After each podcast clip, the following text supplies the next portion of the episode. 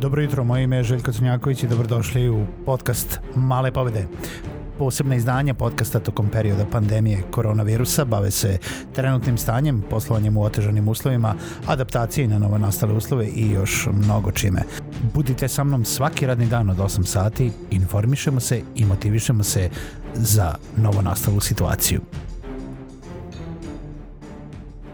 Pozdrav svima, dobro jutro i dobrodošli u novu epizodu podcasta Male pobede. Moje ime, kao što je uvod rekao, jeste Željko Crnjaković, a još jednom svima želim da se zahvalim što ste sa ovom epizodom, ovo jutro ili ovaj dan, nebitno koji ga slušate, sa mnom na ovom podcastu, nemojte zaboraviti da se prijavite na podcast putem bilo koje platforme koju koristite na vašim mobilnim uređajima jednostavno kliknite subscribe i sa vama sam svaki radni dan od 8 sati. Ukoliko imate neko pitanje, pošaljite mi mail na malepobede.gmail.com ili me podržite putem Patreon platforme www.patreon.patreon.com kroz male pobede i ostavite mali prilog ukoliko vam ovaj podcast nešto znači. Danas želim da pričam s vama o online časovima. Juče sam ih pomenuo, juče sam pomenuo kako svi treba jel, da smisle neki taj plan B, česte su edukacije, e, nebitno da li ste ih do sada držali uživo ili e, ne. E, I hoću da pričam sa vama o edukacijama putem interneta. Šta više, na primjer, ukoliko idete ili držite neke časove, na primjer, engleskog jezika putem Skype-a ili Zooma ili Hangoutsa ili koje god druge platforme koju koristite, a, treba na neki način, ukoliko to do sada niste radili, da spremite i sebe i vaše jel da, učenike. Šta mislim po time? Mislim po time da ukoliko ste krenuli da pohađate časove a za one koji će da drže neka slušaju pa da znaju šta da kažu učenicima i na šta da se spreme. Jednostavno držanje online i u stvari pohađanje online časova ukoliko je sada vreme jel da, da se edukujete za nešto drugo nije isto kao da idete na neki kurs uživo. Mislim, slično je, ali nije isto. Vi to možete da gledate ukoliko je snimljeno kada god hoćete. Ukoliko su časovi uživo, to je minimalno bliže. U određeno vreme se zakačite putem Skype-a ili bilo kog drugog programa i pričate sa vašim profesorom, nastavnikom, predavačem. Možda ste sami, možda ima grupa ljudi sa vama. Vi to morate da želite da radite. Jedna stvar je kada idete na časove uživo, znate, na neki način to je kao obaveza, ono, ustanemo, o, ovaj, obučemo se, nebitno koje doba dana, izađemo iz kuće, sednemo u kola i kad već krenemo kolima, peške, biciklom, kako god idemo na taj čas, krenuli smo i nekako možda nam je teško da krenemo od kuće, ali krenuli smo i kada idemo tamo, to je već obaveza. Tu sam, došao sam u školu, gledaju me ljudi, moram da a, se ponašam, moram da a, budem prisutan, moram da učestvujem. Kada smo kod kuće, situacija je mnogo opuštena. Kada smo kod kuće imamo mnogo više slobode. Kada smo kod kuće jeste mnogo je veća razdaljena između tog predavača i mene. E, mnogo je lakše da odluta pažnja, mnogo je e, teže e, da se skoncentrišete. Za odrasle je to možda i lakše. Za odrasle, e, jel da kada se mi odlučimo nešto da radimo, onda zapravo ako i plaćamo posebno još za to, onda mislim osjećamo neku odgovornost zato što plaćamo za to i onda nebitno da li to radimo uh, jel da, putem interneta ili uživo ili putem knjiga, osjećamo tu neku odgovornost. Ali i onda se desi da mnogo olako, olakše prihvatimo, to jest uh, percipiramo situaciju putem interneta nego kada bi išli uživo. Zašto to kažem? Još pogotovo ukoliko sada recimo imate decu koje su do sada išla na časove engleskog jezika, pa su sad počele da pohađaju časove engleskog jezika putem interneta, kao što sada deca uče putem TV-a, jel da osnovne i srednje škole idu na časove, pa se onda nastavnici, profesori a, i učiteljice i učitelji dopisuju sa svojim đacima putem Vibera i drugih a, poruka i mailova nije situacija kao da su u školi. Posebno deca.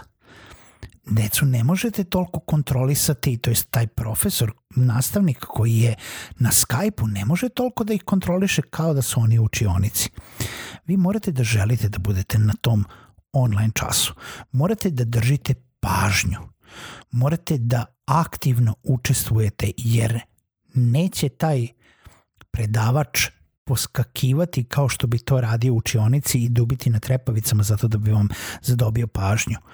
On je tu da vam ispredaje i da vam odgovori na bilo koje pitanje koje imate, da vam jel da prenese to znanje. Ali na vama je da stvorite sebi pažnju i uslove da to zapravo i prihvatite, da, da nekako izgurate to, taj online čas. Shodno tome, online edukacija zahteva skoro duplo veću dozu želje, volje i inicijative sa strane onoga ko želi da pohađa to, ko pa se prvi put odlučuje da to pohađa. Ne bitno da li to vi samostalno, opet kažem, birate ili ukoliko to posebno važi, ukoliko šaljete decu sada odjednom na, na časove recimo putem, putem interneta. Morate da, da ih upoznate sa time da stvarno žele da rade, da drže pažnju tamo, da ne lutaju, da um, aktivno učestvuju.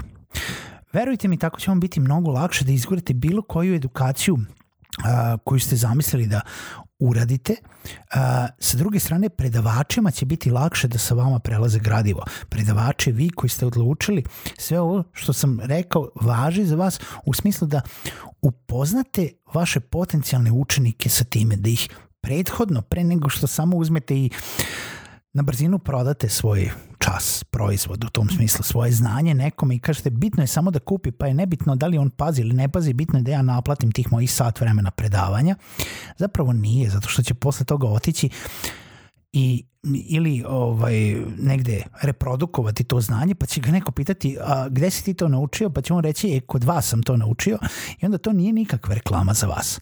Zapravo znači svaki predavač se stvarno trudi da maksimalno prenese to svoje znanje, a da bi to uradili treba da unapred pripremite svoje učenike na sve što sam do sada rekao. Da im kažete, ok, mi ćemo, znači tok časa će ići ovako. Da biste najviše pazili, molim vas, najbolje bi bilo da nabavite slušalice. Najbolje bi bilo da te slušalice imaju mikrofon, nebitno da li su one bubice za telefon ili one slušalice sa mikrofonom kao headset što možete kupiti za računar. Zašto? Zato što kada pričate u laptop, mikrofon laptopa, ili pričate u neki speakerfon, onda to odzvanja na sve strane. Ne daj Bože da vas ima više na, na tom nekom Skype sastanku, jel da Skype času, pa to odzvanja svakome. Znači, ako imate bubice i slušalice, to prvo vi čujete samo ono što, ono što zvučnici daju, a onda mikrofon hvata mnogo detaljnije samo vaš glas.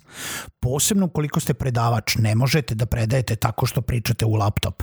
Ne može da vam zvanja sve.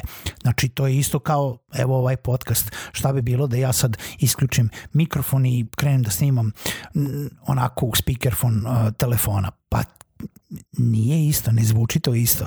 Možda ćete poslušati neku epizodu baš zato što želite da poslušate, ali neće vam biti drago da slušate baš svaku epizodu na tom kvalitetu. Onda, znači, posvetite se, kažite tokom tog časa, molim vas isključite sve žive notifikacije, ostavite telefon u drugoj sobi, isto tako i predavači i studenti. Predavači, spremite taj materijal.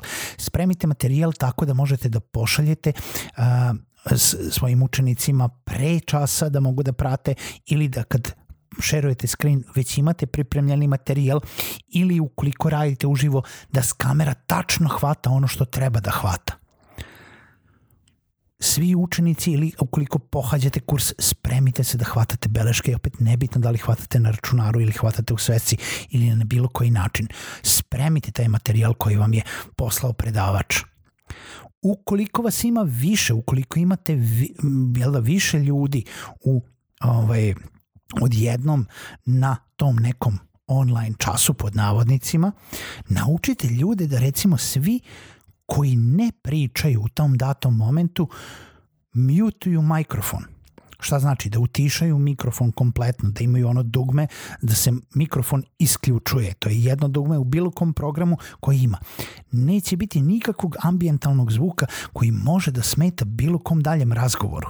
Ovo je mnogo teže uraditi ako imate, ne znam, časove sa decom koju, koju, jel da, koje možda nećete uspeti tako da radite, nego ukoliko radite ovaj, sa odraslim ljudima, ali koliko radite sa odraslim ljudima, pa setite se, ako ste za sve one koji znaju i na poslovnim sastancima, mutirajte mikrofon u grupnom razgovoru i onda samo jedan koji priča i uključi mikrofon, ostali mutiraju. Isto tako i predavač, ukoliko treba da vam neko odgovara, ukoliko treba neko da vam postavlja pitanje i vi možete da mutujete mikrofon.